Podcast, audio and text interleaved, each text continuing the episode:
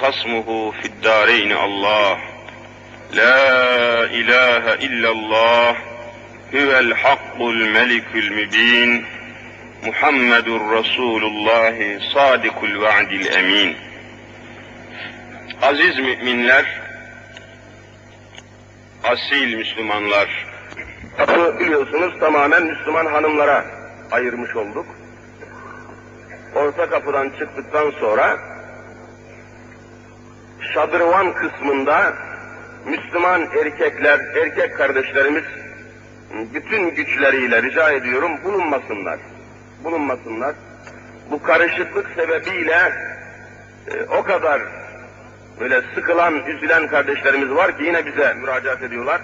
Eğer diyorlar hocam bu karışmalar böyle yollarda, kenarlarda çıkarken, girerken bu izdiham olmasa derse katılan hanım cemaatin, Müslüman hanımların sayısı on misli daha artacak diyorlar. Gelemiyoruz diyorlar. Bir ölçüde tabii haklıdırlar. Mümkün olan ahlaki ve edebi disiplini yürütmeye mecburuz. Orta kapıyı tamamen onlara tahsis etmişiz. Şadırvan kısmında bulunmayınız, bulunmasınlar ve onlar şadırvan kapılarından çıksın. Erkeklerimiz de bu iki kapıdan çıksınlar. Ailece gelenler de dışarıda buluşmak suretiyle evlerine, yollarına gitsinler. Bu hususları bilhassa rica edeceğim vebale, günaha girmemek kaydı içinde derslerimize devam edelim. Aziz kardeşlerim geçen dersimizde bizi yoktan yaratan Mevlamızın, Rabbimizin bazı mevzularda gözlerimizi göz dediğimiz dünyaya açılan hadisata, eşyaya, tabiata açılan gözlerimizi disiplin altına almak gayesiyle Mevlamızın bir emri üzerinde durduk.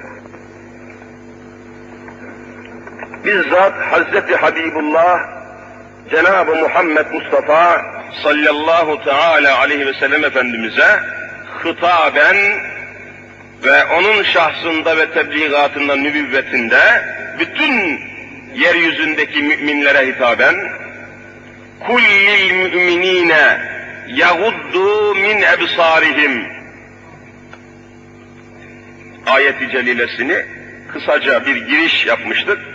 Bugün biraz daha bunu böyle etraflıca neden buna bu kadar ehemmiyet verildiğini izaha çalışacağım.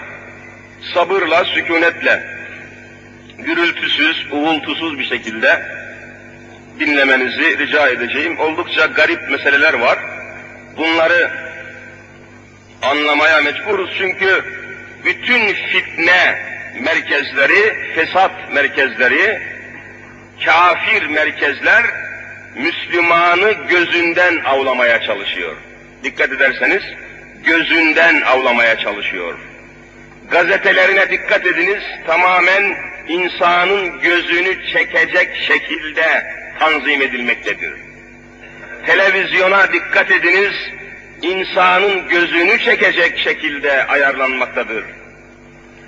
Etrafa, reklamlara, reklam spotlarına, afişlere, resimlere, şekillere, motiflere, desenlere, dekorlara bakınız. Mütemadiyen Müslümanı gözünden avlamaya çalışıyorlar. Neden Mevlamızın göz üzerinde bu kadar titiz ve itina ile durduğunu da anlamaya mecburuz. Bu konuların kürsüye gelmesi lazım, anlaşılması lazım, meselenin çözülmesi lazım. Müslüman nereden yıkılıyor?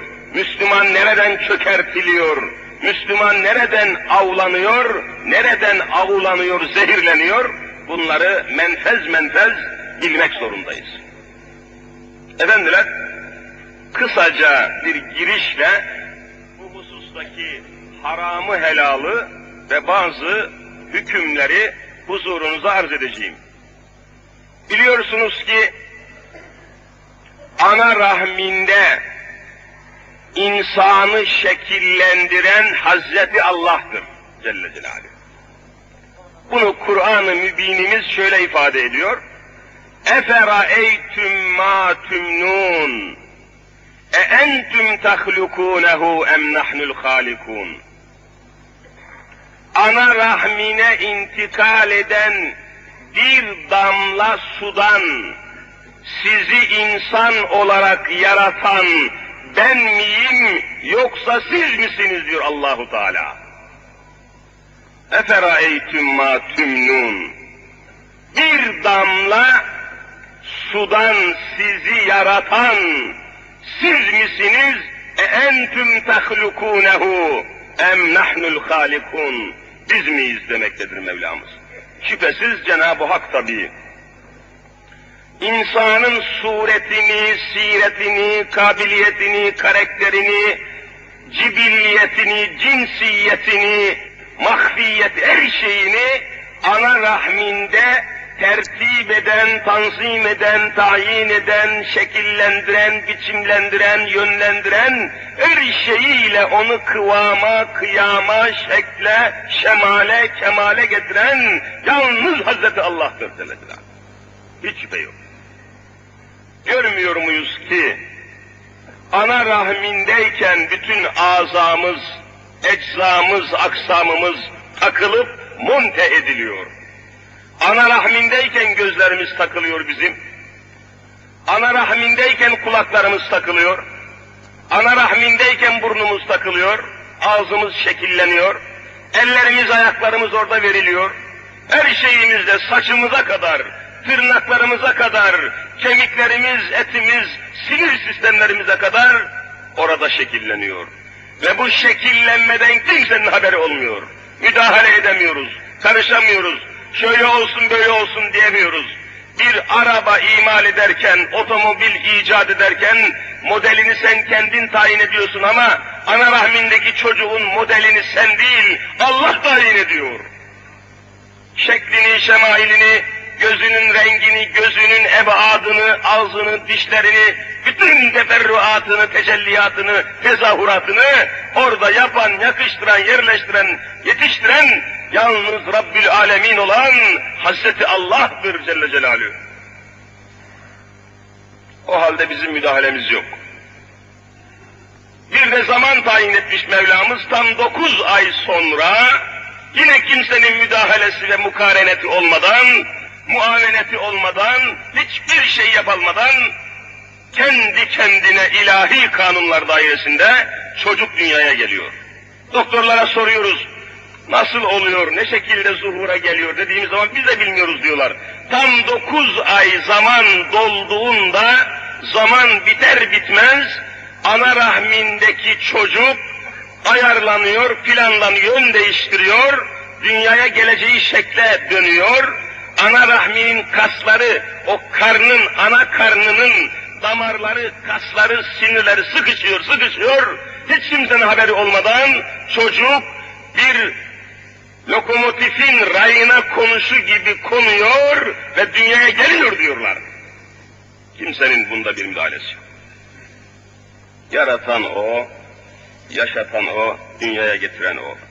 Ve dünyaya gelir gelmez gözlerini açı veriyor ve eşyayı yavaş yavaş da olsa imaj imaj objektif bir mana içinde henüz sübjektivitesi dediğimiz iç alemi olmamakla beraber bir takım şekillere gözü çarpıyor ve yavaş yavaş tabiata uzanmaya başlıyor. Öyle şekilleniyor ki bugünkü tipoloji denilen insanın tipini, yapısını, suretini, suratını inceleyen ilim adamlarının kat'i tespitine göre ki Kur'an'ımız da bunu haber veriyor. Yeryüzünde ne kadar insan varsa şimdi, kaç milyar insan varsa o kadar milyar çeşitte de insan yüzü var. Hiçbir insanın yüzü vallahi öbürüne benzemiyor. Hep ayrı yaratılmış. Hep ayrı tanzim edilmiş. Hiç kimsenin suratı öbürünün aynı değil. Bu neye benziyor? Bakınız size bir misal vereceğim. Mevlamızın yaratma gücündeki dehşeti ve sonsuzluğu haber veriyor. Misal şu, dikkatinizde kalırsa, hafızanızda kalırsa çok iyi olacak. Kilit fabrikasında, hani bazı kilit fabrikaları var. Kilit fabrikasında anahtar yapan bir usta, her anahtara ayrı bir şekil veriyor. Her anahtara ayrı bir şekil veriyor. Sebebi e, bir anahtar başka kilitleri açmasın diye.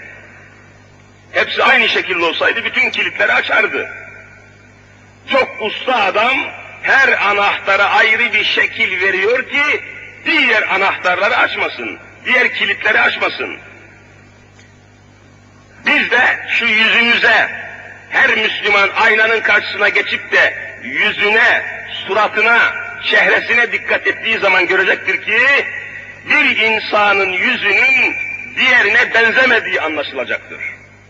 Katiyen benzemiyor. Demek ki benim suratımı, benim çehremin tanzim eden Hazreti Allah bütün insanların yüz şeklini biliyordu. Biliyordu ki beni onlardan farklı yarattı.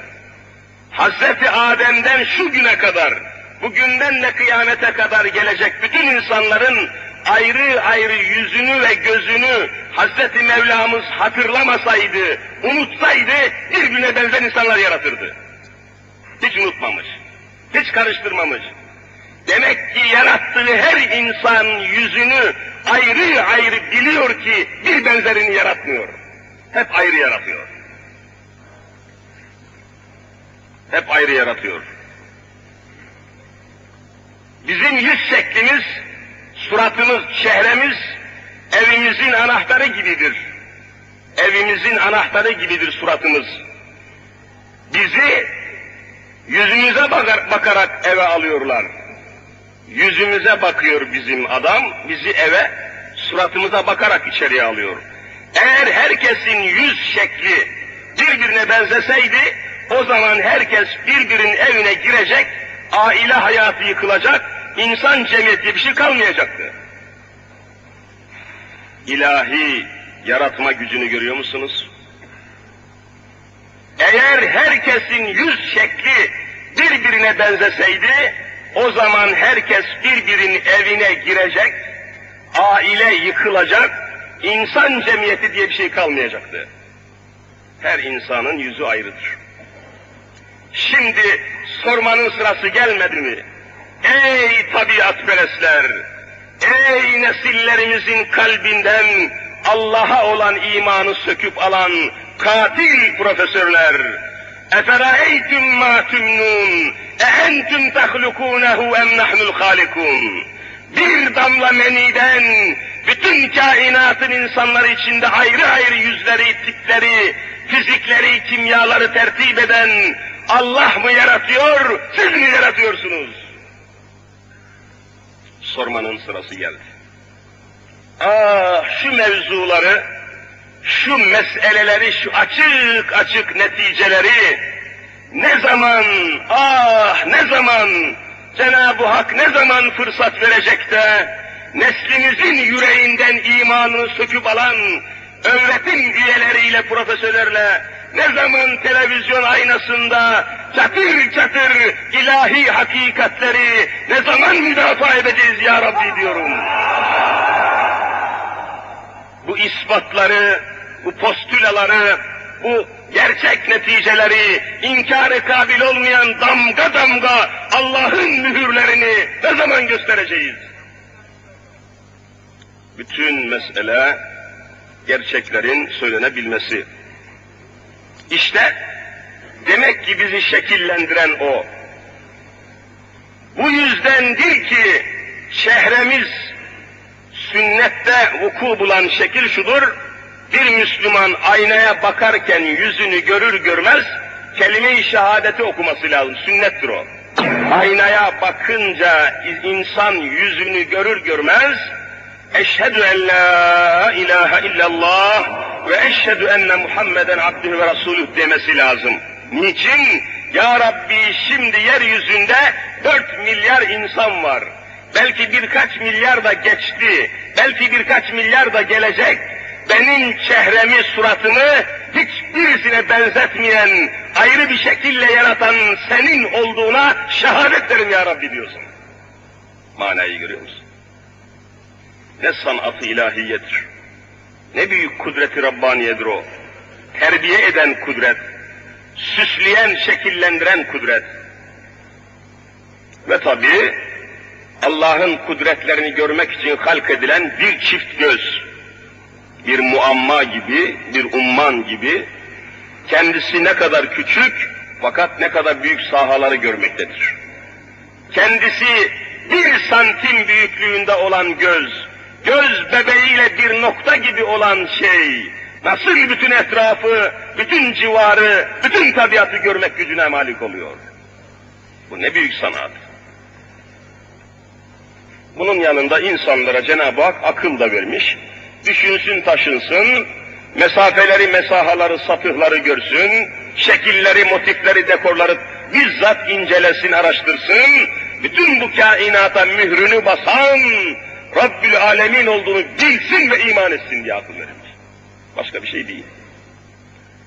Hayvanlara baktığımız zaman hayvanlarda çok daha garip neticelerle karşı karşıya geliyoruz göz mevzuunda.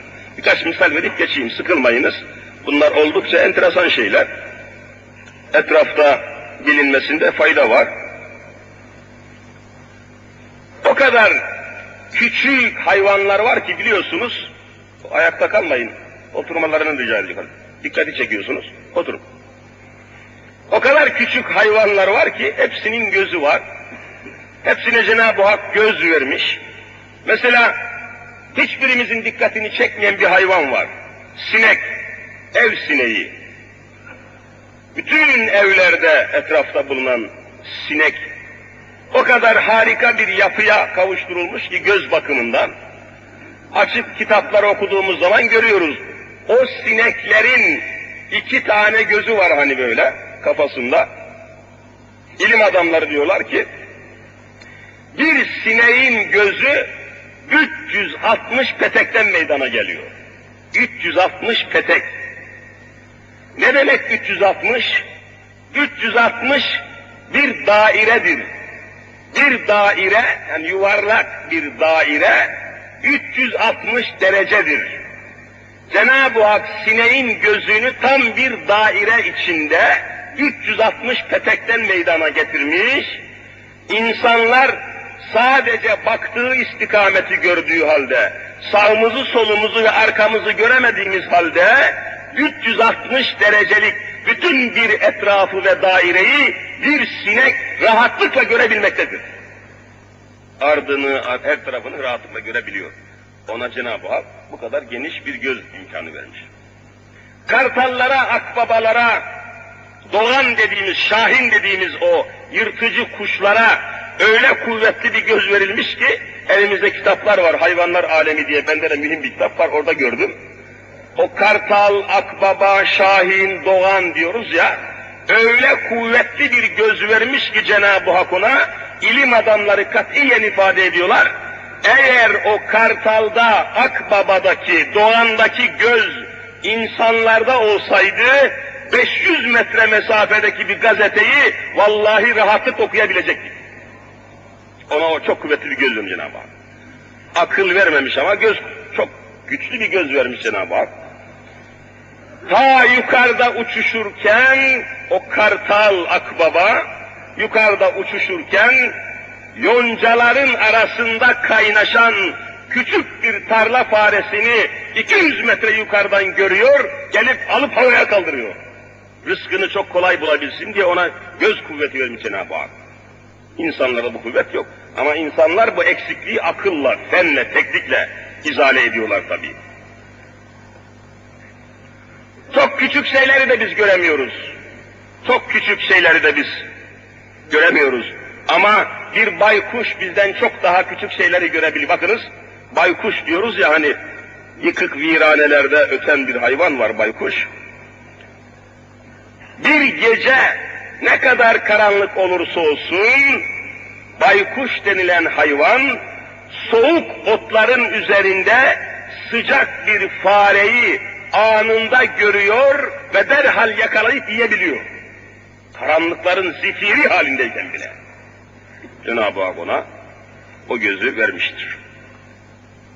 Bazı hayvanlarda o kadar çok göz var ki iki gözden tutun da birkaç bin adet göze kadar göz var hayvanda. Birkaç bin tane göz var. Sineği misal olarak verdim. Şimdi bir de hiç gözü olmadığı halde, ışıktan kaçtığı halde, karanlıklarda yaşadığı halde hayatını devam ettiren bir kuştan bahsedeyim. Allah'ın kudretlerini görelim ki hükümlerine kalbimiz daha çok yatışsın. Kainattaki gözlere, kulaklara, eşyalara, maddelere, mahlukata hükmeden kanunları tanımadıkça vallahi İslam'ı tanımak mümkün değil. Oradan oraya geçmek lazım geliyor. Bakınız bir hayvan var, karanlıklarda yaşıyor, bodrum katlarında, mağaralarda, böyle rutubetli yerlerde, çarpık kaya parçaları arasında, hiç ışığı sevmiyor, güneşten kaçıyor, kaçıyor, hiç gözü yok bu hayvanın. Bir kuş ama memeli bir kuş, yarasa ismindeki bir hayvan. Yarasa. Bu hayvan katiyen gözüyle değil, başka bir aletle eşyayı tanıyor. Avını yakalıyor, gıdasını, erzakını buluyor, yiyor. Nasıl olduğunu ilim adamları hayretle takip ediyorlar. Kısaca izah edeyim. Mağaralarda yaşadığı halde, hızla uçuştuğu halde, gözleri de olmadığı halde hiçbir mağaraya çarpmıyor, ağaçlara çarpmıyor, tellere çarpmıyor, rahatlıkla gidip mağarasını, yuvasını hiçbir şeye değmeden gözü olmayan bu hayvan gidip yerini bulabiliyor. Nasıl buluyor? Yarasa. Efendiler şöyle bir Cenab-ı Hak ona bir cihaz vermiş. Hak Teala şöyle bir sistem ona vermiş. Gözünü almış o hayvanın, göz, ziya, ışık ona fayda vermiyor ama öyle bir kulak vermiş ki yarasaya, öyle bir kulak vermiş ki, insanoğlunun hiçbir zaman doğrudan doğruya kulağıyla işitemediği seslerin tamamını işitiyor. Ses işitme kabiliyeti. Bakınız, hani insan ses, şu gırtlağımızda hançere diye bir şey var biliyor, hançere, ses tellerimiz var bizim. Böyle nefes verdiğimiz zaman sesimiz, ses tellerimiz ses çıkarıyor. O kadar hızlı bir titreşim oluyor ki, o sazın veya gitarın tellerinin böyle titreşmesi gibi ses verirken de gırtlağımızda, hançeremizdeki ses telleri titreşiyor. O titreşmeden dalgalar meydana geliyor. Dalgalar da sesi götürüyor. Dalga, ses dalgaları, ses titreşimleri. İnsanın hançeresi saniyede 75 ila 100 arasında ses titreştiriyor. Bizim hançeremiz, ses tellerimiz saniyede 75 ila 100 kadar ses titreşimi meydana getirebiliyor. Evet. Fakat insanların sesi saniyede titreşim miktarı bakımından 1400 hertzi geçmiyor. Fakat yarasalar gırtlaklarındaki ses telleriyle öyle bir sistem kurulmuş ki saniyede 30 ila 100 bin derece arasında ses titreşim meydana getiriyorlar. Saniyede 100 bin titreşim. İnsanın 1400'ü geçmiyor. 1400 nerede? 100 bin titreşim nerede? Yarasada.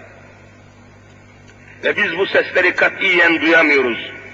İnsanların kulaklarının işitmediği sese bugün fizik ilminde, fizik ilminde bugünkü fizikoteknikte ilim adamları ultrasonik sesler diyorlar. Yani insan kulağının yakalayamadığı sesler.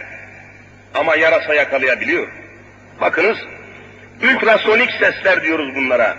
Bu sesi dalgaların yansımasından etrafını tanıyor. Hançeresinden bir ses çıkarıyor yarasa, o sesi dalga dalga yayıyor, o kadar hızlı bir ses çıkarıyor ki, yayılan ses gidiyor, bir kaya parçasına çarpıyor, geliyor, tekrar yansıyor, aksediyor, ses geriye geliyor, onun kulağı hemen sesi işitiyor, önünde bir kaya parçasını olduğunu anlıyor, çarpmamak için sağa kaçıyor yarasa.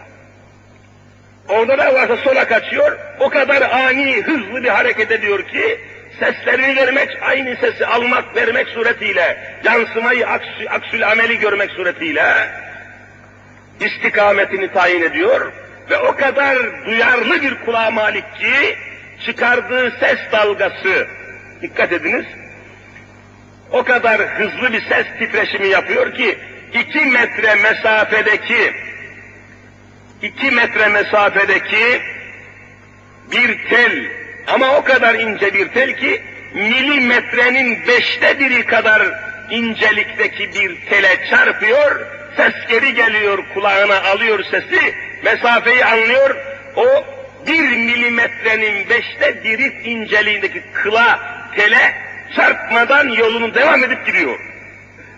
Hassas bir hayvan.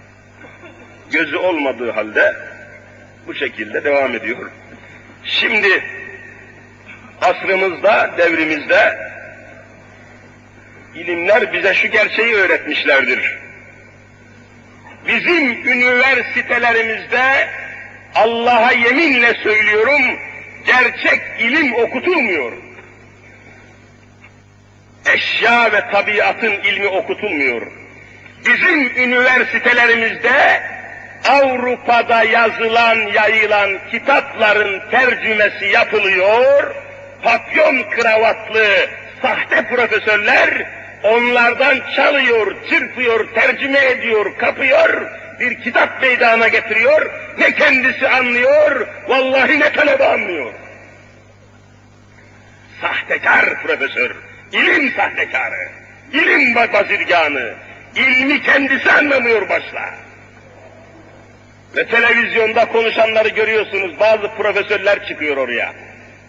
Kahkahayla gülüyorum vallahi. Profesörler çıkıyor, konuştuklarını kendileri bile dahi bilmiyorlar. Halka bir şey öğretemiyorlar. Ahaliye, milletimize tek bir şey öğretemiyorlar. Ve üniversitede ilim değil, bugün ölüm icra ediliyor.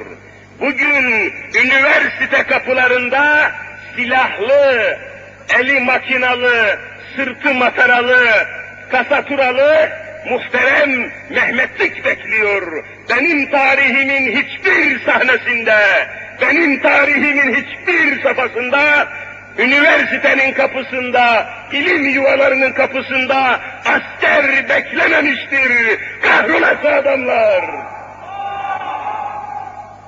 İlim mi bu? İlim yuvasının kapısında asker ne arar ey ahlaksız adamlar? İlim yuvasının kapısında asker ne arar? Bu ne korkunç bir hadise, bu ne korkunç bir inhitat, bu ne büyük inkıraz, bu ne büyük rezalettir. Benim tanıdığım mübarek asker, benim Mehmetçiğim, her şeyimi kurban edeceğim mübarek asker iki şey beklerdi tarihte. Bir hudut bekler, hudut, hudut, vatan hudutlarını bekler, bir de haydut beklerdi. Hudut bekliyor, haydut bekliyordu. Şimdi düşünüyorum, üniversitenin kapısı hudut mudur? Hayır. Öyleyse ne var burada? Demek ki üniversitede haydut var.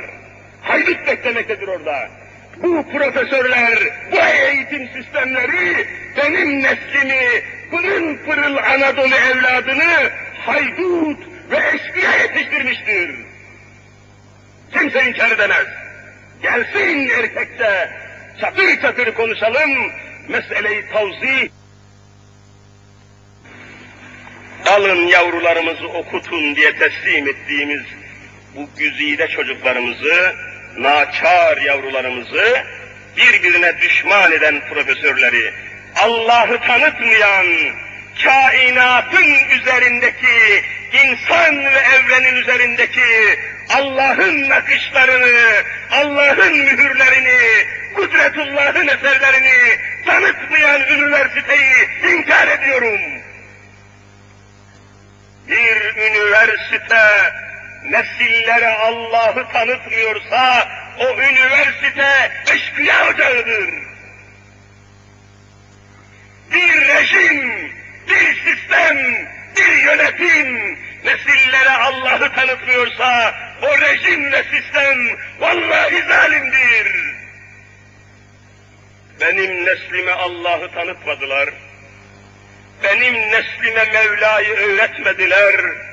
Benim neslime Rabbül Alemini tanıtmadılar. İlkokul seviyesinden üniversiteye kadar bu vatanın aziz gençlerine, masum çocuklarına Allah'ı anlatmadılar. Bu katiller, neslinizi gerçekten öldüren insanlar bunların da kendileridir. Millet anlamıştır ama iş işten çoktan geçmiştir.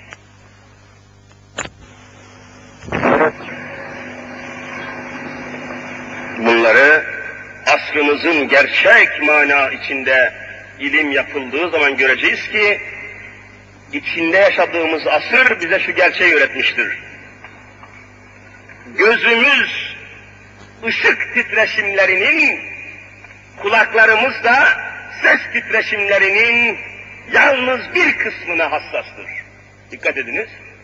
Şu gözlerimiz, evet gözlerimiz ışık titreşimlerinin sadece bir kısmını alıyor. Kulaklarımız da ses titreşimlerinin sadece bir kısmını alıyor. Şu anda şu içerideyiz ya biz, şu boşlukta, şu fezada, şu boşlukta o kadar sesler var ki vallahi kulağımız almıyor. Sinyaller var burada, elektromanyetik dalgalar var, radyo dalgaları var, kilohertz, kilocycle dalgaları var. Bu dalgaları, bu ses titreşimleri kulağımız almıyor. İnkar mı edeceğim ben bunları? Gözlerimiz de aynen bütün ışık titreşiminin hepsini almıyor. Almıyor. Bakınız bugünkü ilimden size bir sayfa nakledeyim kısaca. Hükümlere sonra geçeyim. İlim diyor ki infraruj ve ultraviyole şualarını ışınlarını hiçbir göz görmüyor. İnfraruj ve ultraviyole şuaları, güneşten gelen bazı şualar var. Kızıl ötesi, mor ötesi şuaları gözümüz görmüyor. Ama gören hayvanat var. Aynı zamanda ultrasonik sesler var, elektromanyetik dalgalar var. Hep ses dalgası bunlar ama kulaklarımız almıyor. Kulaklarımızın almaması onların yok olmasını gerektirmiyor. Bakınız şimdi. İnsan vücudunda hepimiz biliyoruz kan var, kan. Kanı insan yapamıyor. Kan. Hatta hepiniz dikkatinizi çekmiştir mutlaka. Sizin dikkatinizi çekmiştir. Kan kaybeden bir hasta için anons ediyorlar radyodan, televizyondan kan istiyorlar. Dikkat dikkat kan kaybeden bir hasta için işte A grubu RH pozitif kan aranıyor diyorlar. Ya mutlaka onu bir insanın bünyesi alıp verilmesi gerekiyor. İnsan kan hücresini yapamıyor. Kan halk edemiyor. Can veremiyor. Fezalara yükselen insan, okyanusların diplerine dalan insan, bir damla kan yapmaktan aciz bugün. Niçin anons ediyorsunuz? Ey kainatı biz yarattık diyenler, niçin aciz kalıyorsunuz? Bir gazoz fabrikası gibi bir fabrika kurup da istediğiniz kanı icat etsenize. Buna imkan yok. Bakınız, vücudumuzda kolaylıkla sayılabilen kan hücreleri var bizde, kan hücre. Kanımızda hücreler, canlı hücreler var. Dikkat ediniz. Kan hücreleri. Büyük mikroskoplarla baktığınız zaman skop icat etmişler, yapmışlar. Mikro, küçük demek biliyorsunuz. Skop, gösteren alet. Mikroskop, mikroskop, küçük varlıkları gösteren alet. Yüz bin defa büyütüyor. Elektro mikroskoplar var bugün. Büyütünce ha o mahluku anlamaya çalışıyoruz. Kanımızda hücreler var, sayılabiliyor teker teker. Vücudumuzdaki kanımızın yüzde 40 ila 45'i kan hücresinden meydana geliyor. Kan hücresi. Geriye kalan ise bir kan plazması. Plazma, plastik madde. Bir gram kanın içinde ne kadar hücre var biliyor musunuz? İlmin kat'i tespitini söylüyorum. Bir gram kanın içerisinde 5 milyar kan hücresi var. 5 milyar. Dünya nüfusundan fazla. Bir gram insan kanının içinde 5 milyar kan hücresi var. Ortalama bir insanın ağırlığı 60 kilogram olunca 60 kiloluk insanın vücudunda 120 bin tane dünya nüfusundan fazla kan hücresi var. Göz bunları görmüyor göz. Bunları görmüyorum diye inkar mı edeceğim? Ama üniversitelerde hep ben oraya dikkat ediyorum çünkü fesadın, anarşizmin, komünizmin beşiği, menbaı, kaynağı üniversite olmuştu memlekette. İyi biliyorum, ben de onlar içinden geldim, ben de onlarla teşriki mesaiyi çok iyi biliyorum. Üniversitede bazı müstesnalara bir şey demiyorum. Dini, imanı, namusu, iffeti, haysiyeti, vicdanı, Kur'an'ı olan öğretim üyelerine kurbanım. Onlara hiçbir kelime söyleyemem ama büyük ekseriyetiyle üniversitede, ders salonlarında, anfilerde önüne aldığı binlerce Anadolu'nun masum gencine şöyle hitap etmediler mi? Hepiniz biliyorsunuz. Şöyle hitap etmediler mi? Gençler, siz çağdaş düşünceye talip olacaksınız. Çağdaş düşünce. İftira ediyordu çağa. İftira, iftira ediyor devirlere. E, çağdaş düşüncede ne var? Çocuklar gözlerinizin görmediğine inanmayacaksınız diyorlardı. Her gün bunu telkin ettiler. Gözlerinizin görmediği şeye inanmayın, inanmayın, inanmayın. E, zavallı üniversite talebesi baktı, profesör böyle kara cübbeli, kara vicdanlı profesör. Böyle söylüyor, sonundan baktı baktı, Allah diye bir şeyden bahsediyorlar ama Allah görülmüyor. Öyleyse profesörümüz dedi ki, gözünüzün görmediğine inanmayın, Allah'ı da göz görmediğine göre Allah diye bir şey kabul etmiyorum dediler. Ve anarşi buradan peydahlandı. Vallahi böyle peydahlandı. Küfür buradan girdi. Göz üzerinden girdi. Bakınız neden Cenab-ı Hak göz üstünde çok duruyor? Görüyor musunuz? Bütün felaket buradan giriyor. Göz üzerine durmak lazım her şeyden evvel. Baktı, baktı hocalar, kitaplar, din, iman, peygamberler, meleklerden bahsediyor. Amentü'nün ilk iki maddesi hemen bunlardır. Amentü billahi ve melaiketihi. Allah ve melekler. Baktı, baktı talebe, melek diye bir şeyden bahsediyorlar. Sonunda melek diye bir şey görünmüyor. İnsanın gözü melekleri görmüyor. E profesör de inanmayın dedi. Öyleyse hiçbir meleğe inanmıyorum dedi. Ama melekleri de tabii reddedemediler. En sonunda çıplak dolaşan, arsız, hayasız, ahlaksız, iffetsiz, fuhuşla iştigal eden, fiziki yapısı güzel olan kadınlara melek ismini vermeye kalkıştılar. Falanın melekleri, filanın melekleri. Ve şimdi görüyorum ne garip bir Müslüman imalatçılarda görüyorum Allah aşkına onları ihtar ediniz, onları ikaz ediniz. Bazı böyle trikotaj yahut konfeksiyon, bazı giyim eşyası yapan adı Müslüman, nüfus kütüğünde Müslüman yazan bir takım kimseleri görüyorum. Bu falanın melekleri diye dünya çapındaki fahişelerin üçünün de resmini renkli olarak o kazağa, o giyim eşyasına basmış, o fahişelerin resimleriyle beraber giyim eşyası satıyor. Benim tarihimde bu yok kardeşim. Sen hangi tarihin çocuğusun? Sen hangi yolun insanısın? Sen hangi zürriyetten geliyorsun? Bana kanını söyler misin sen? Bana vicdanını söyler misin sen? Benim tarihimde hiçbir nesil sırtına giydiği kazanın göğsünde üç büyük fahişenin resmini taşımamıştır. Sen kimin çocuğusun? Para getiriyor diye insan namusunu mu satmalıdır? Para getiriyor, servet getiriyor diye bir ima, bir insan imanını ve iffetini mi satmalıdır? Hayır, buna imkan yoktur.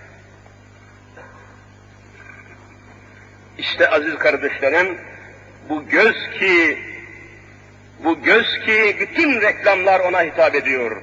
Bu göz ki bütün propagandalar ona hitap ediyor. Bu göz ki çırılçıplak soyunan kadınlar bu gözler için soyunuyor. Gözlerimizin her birisinde hayal hayal dalgalanan fuhşiyatın nakışları mevcut bulunuyor. Siz gözü hafif mi görüyorsunuz? Siz gözü basit mi görüyorsunuz?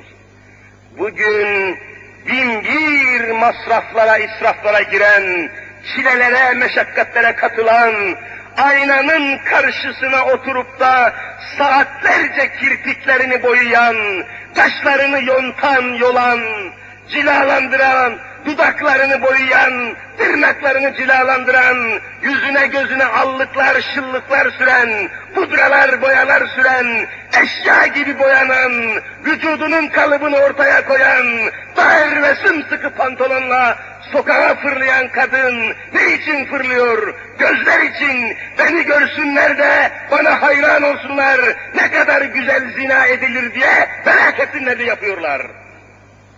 Zina tedaisi içinde, fuhuş telezzüz içinde geziyorlar, sarhoş sarhoş dolaşıyorlar, çılgın çılgın dolaşıyorlar. Etrafın dikkatini çekmek için giyiniyorlar. Etrafın dikkatini, şehvetini ve bütün ruhi alakalarını çekmek için bunu yapıyorlar. Bütün moda buna çalışıyor. Elbiselerin bütün renkleri buna göre ayarlanıyor, göze göre ayarlanıyor. Bütün çamaşırların iç çamaşır, dış çamaşır. Bütün elbiselerin, bütün imalatın, bütün mensucatın hareket noktası gözlere göre planlanıyor, gözlere göre planlanıyor. Nasıl göze hitap edelim de bir kadın sokağa çıktığı zaman nasıl bir elbise giydirelim de onun peşinde yüz binlerce erkeğin gözünü takalım ve hayvan gibi sürükleyelim diyorlar. Ne zannediyorsun sen gözü? Buna bir Müslüman nasıl müsaade edebilir? Kuaföre gitmenin sebebi bu. Pantolon giymenin sebebi bu. Af buyurun, bacaklarında bir eğrilik, çirkinlik olduğu için pantolu bacağına geçiriyor, sıva yapılmış bir duvar gibi, sütun gibi dışarıya daha iyi görünmek, daha çok dikkati çekmek için bunu yapıyorlar. Ve Yahudi moda evleri, kafir moda evleri, Müslümanların kadınlarını evde oturamaz, sokaklarda sürünen birer basit hayvan haline getiriyorlar. Ve Müslüman buna göz yumuyor. O gözlerin dikkatini çekiyor, Müslüman buna göz yumuyor. Ama hayır, hayır kardeşlerim, bunun vebalini bilmemiz lazım. Bildirmemiz lazım, ilan etmemiz lazım. Hazreti Muhammed Mustafa'yı dinlememiz lazım. Aleyhissalatü vesselam o şöyle buyuruyor. El mer'etü izesta'terat femerrat bil meclisi fehiye zaniyetün sadaka Resulullah.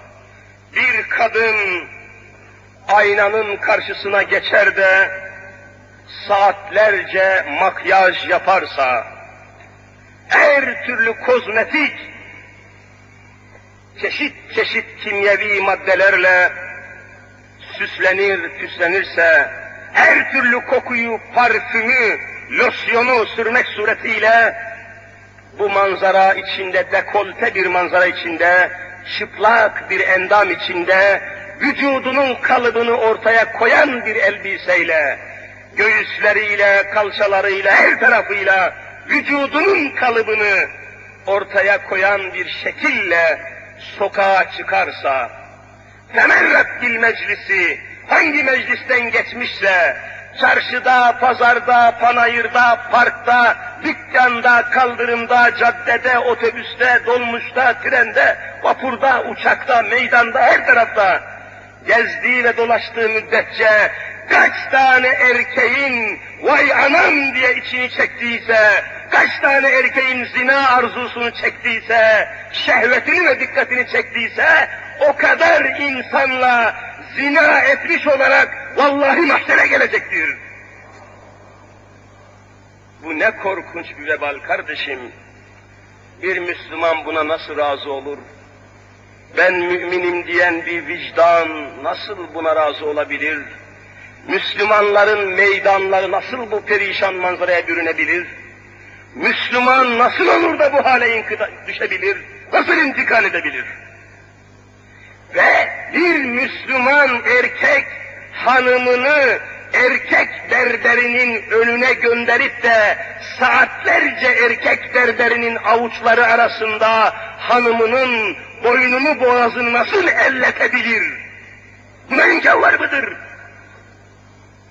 Efendiler, böyleleri için sokağa hanımını çıplak gönderip de akşamlara kadar, sabahlara kadar onun bunun şehvetini ve dikkatini çekmesine sebebiyet veren erkekler için Hz. Muhammedül Emin aleyhissalatu vesselam şöyle feryat ediyor.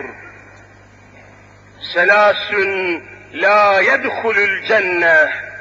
Üç sınıf insan var ki ben Müslümanım deseler dahi onlar cennete katiyen giremeyeceklerdir. Girseler de cennetin âli makamlarından hiçbirine malik olamayacaklardır. El-âkku bil valideyn, anasına babasına asi olan evlat, elli defa hacca gitse dahi cennet yüzü görmeyecektir. Ve deyyûsüllezî lâ yagâru alâ ehlihi, onun bunun hayvani şehvet arzularıyla ve nazarlarıyla yanında giderken onun bunun delikanlısı şehvet nazarlarıyla hanımını seyrederken, hanımını süzerken, karısına dikkatle ve şehvete bakarken bu bakışlardan rahatsız olmayan deyyus erkek cennet yüzü görmeyecektir. Çünkü vicdanı kokuşmuştur o adamın. Çünkü ruhu iflas etmiştir o adamın. Karısına iştahla bakarlarken, onu koltuğunda taşıdığı esnada, o bakışlardan rahatsız olmayan erkeğin vicdanı ve namusu kokuşmuştur. Mahvolmuştur. Onlara cennet yoktur. Üçüncüsü, ve mudminul hamr, tevbesiz bir şekilde pişmanlık duymadan devamlı, akşamlı sabahlı içki içen insanlara cennet yoktur diyor Muhammed Mustafa aleyhissalatü vesselam. Aynı şekilde kadınlardan da şöyle bahsediyor. Hazreti Habibullah'ı dinliyoruz. Ben kimseyi dinlemem. Kanunlar, nizamlar çerçevesi içinde kimseyi tahrik etmeden, kimseyi kışkırtmadan ben Hazreti Muhammed'i anlatıyorum. Buna mecburum. İslam inkılabının lideri odur çünkü. Arzuladığımız İslam inkılabı gelecek. Hazreti Muhammed Mustafa hakim olacaktır. Benim terbiyecim Avrupa olmayacak artık. Benim terbiyecim Amerika olmayacak. Benim kızıma karıma Avrupa'nın kafir modacısı hakim olmayacak.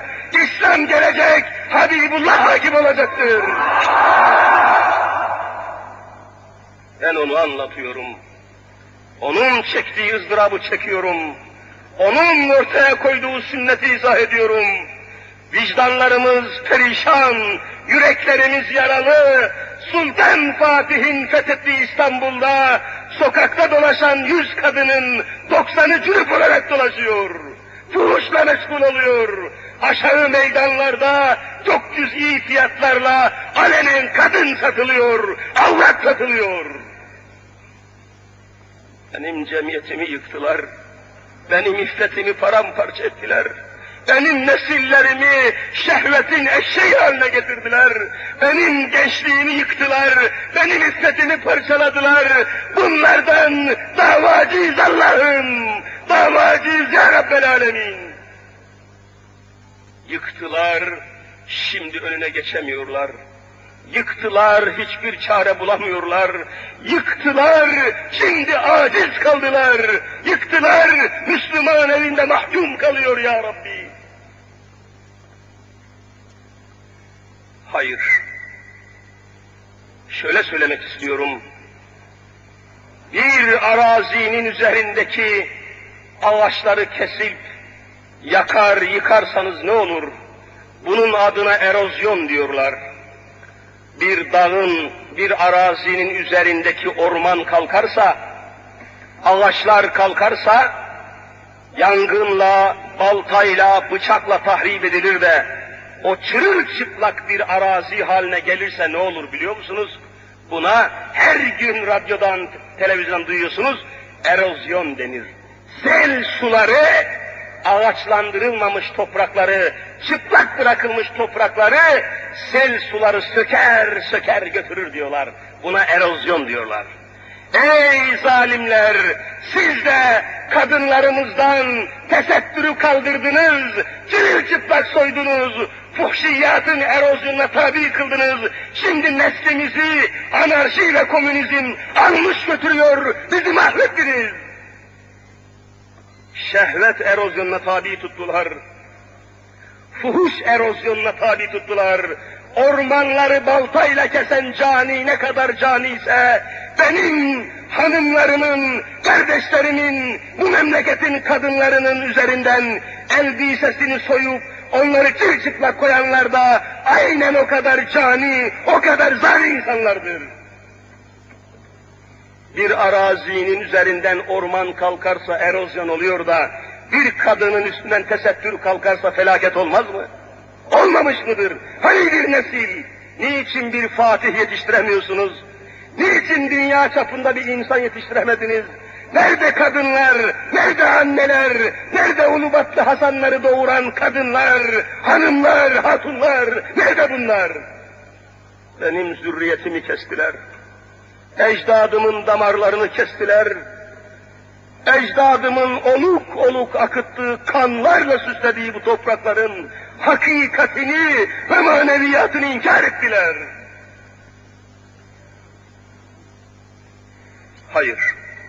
İşte aziz kardeşlerim, batının, yakında batacak olan batının, yakında kahrolacak olan batının, yakında yok olacak olan batının pisliklerini içimize akıttılar.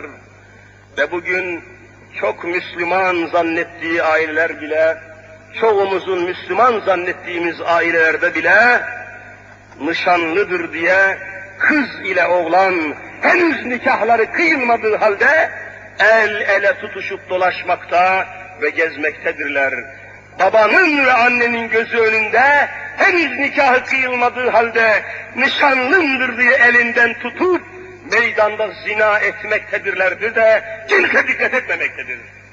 Batıdan gelen adetler, Avrupa'dan gelen gelenekler, kültür emperyalizmi, kültür istilası, küfür istilası bu milletin namusunu sokaklara dökmüştür artık. Sen ey Müslüman, sen Avrupa'dan değil, İmam-ı Azam Ebu Hanife'den alacaksın yolunu. Allah aşkına İmam-ı Azam Ebu Hanife'den alacaksın yolunu. Avrupa'dan değil. Bakınız Ebu Hanife'nin rahmetullahi teala aleyhin bir hükmünü belirtip uzatmayayım fazla. Ne yazıktır caddelerden geçilmiyor. Gözlerimiz kirlendi Allah'ım.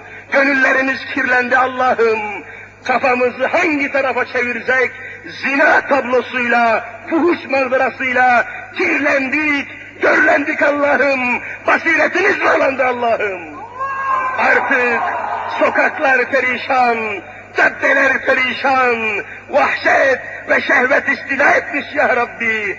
Şehzade başından geçemiyorum. Fuhuş filmlerinden gözlerimiz yerde hayal ediyorum Allah'ım. Her tarafıyla memleket şirkete döndü. Namus bataklığı, fuhuş bataklığı haline geldi. Nazarlarımız kirlendi Rabbim. Basiretimiz bağlandı Rabbim. Mümin kim, kafir kim tanıyamıyoruz ya Rabbi. Gözlerimiz perdeli, gönüllerimiz lekeli ya Rabbi. Ne kötü bir hal, ne kötü bir manzara meydana koydular. Bu cemiyeti bu hale getirenler, kızlarımızı, kadınlarımızı satılık eşya gibi soyup soğana çevirenler, nasıl yatacak kabirlerinde, nasıl mahşere gelecekler, nasıl ve hangi Allah'ın divanını kuracaklardır? Ebu Hanife aynen şöyle hükmediyor kardeşlerim. Hanefi mezhebin hükmünü söylüyorum. Değil tokalaşmak, değil yabancı kadınlarla şakalaşmak, değil değil nişanlımdır diye eline tutup dolaşmak. Nerede kaldı? Ebu Hanife diyor ki vallahi bir kadın sizin anneniz değil, ablanız değil, yabancı bir kadın oturduğu sandalyeden kalkar kalkmaz, onun vücudunun harareti sönmeden kim o koltuğa oturursa vallahi zina etmiş hükmündedir. O kadının vücudunun harareti geçmesin o erkeğe, iffeti bozulmasın, hücreler yıkılmasın, onun hayatındaki iffet parçalanmasın diyor. Nerede İslam, nerede bu toplum, nerede bu cemiyet kardeşim? İşte bu mevzu çok daha yakıcı manalarla devam edecek inşallah. Allah'ın inayetiyle, sizlerin de rağbet ve gayretiyle çığlık çığlık bu dersler devam edecek inşallah. Haftaya yine burada, aynı saatte yine burada buluşacak ve devam edeceğiz. Bu arada birkaç mevzuyu daha yine huzurunuza arz edip geçmiş olayım. Kardeşlerim, batı, batasıca batı, her yolu denedi ve her şeyi denedi, yıkmaya çalıştı ve yıktı. Şimdi de kendi kiliselerini, kendi papazlarını bir başka yoldan öne sürmeye kalkıyorlar. Efendim, işte Müslüman çocuklarının dili tutulursa, Müslüman çocukları hasta olursa, bu Ermenilerin, Hristiyanların kilisesine, onların bayram günleri kilisesine götürürlerse, o kiliseye kapatılırsa, bu çocukların dili açılırmış diyen ahmak oğlu ahmak Müslümanlar mevcuttur. Serseri Müslümanlar bunlar. Bir kafirin kilisesinde şifa arayan Müslüman kafir olur be kardeşim. Bu ne Müslümanlığıdır bu? Hayır. Bütün bunlarla ve buna benzer meselelerle batıdan gelen her şeyden şüphe edin. Her şeyden endişelenin, gitlenin ve kurtlanın. Korkun onlardan ve tedbirli olun. Bu arada aziz kardeşlerim, Doğu Anadolu'muzda El Aziz ismindeki El Aziz ismindeki vilayetimizde Harput namındaki kalede beş katlı, 500 yataklı bir Kur'an kursu, yatılı Kur'an kursu inşa ediliyor. İdare heyetinden çok kıymetli hocalarımız, binlerce hafız yetiştiren yaşlı hocalarımız gelmişler. Bu konuda yardımınızı rica ediyorlar. Külliyetli kapıda böyle bir şey serip para toplamak yoluyla değil, içinizde bu hizmete büyük çaplı yardımcı olmak isteyenlerin camiden dağılmadan arkadaki müezzin odasına gelip bu mevzuda yardımcı olmalarını ve hesap numarasını almak suretiyle bu çalışmaya, bu gayrete iştirak etmenizi rica ediyorlar. Biz de bütün samimiyetimizle bunu ifade ediyoruz. Allah cümlenizden ve bu yolda devam eden bütün müminlerden razı olsun.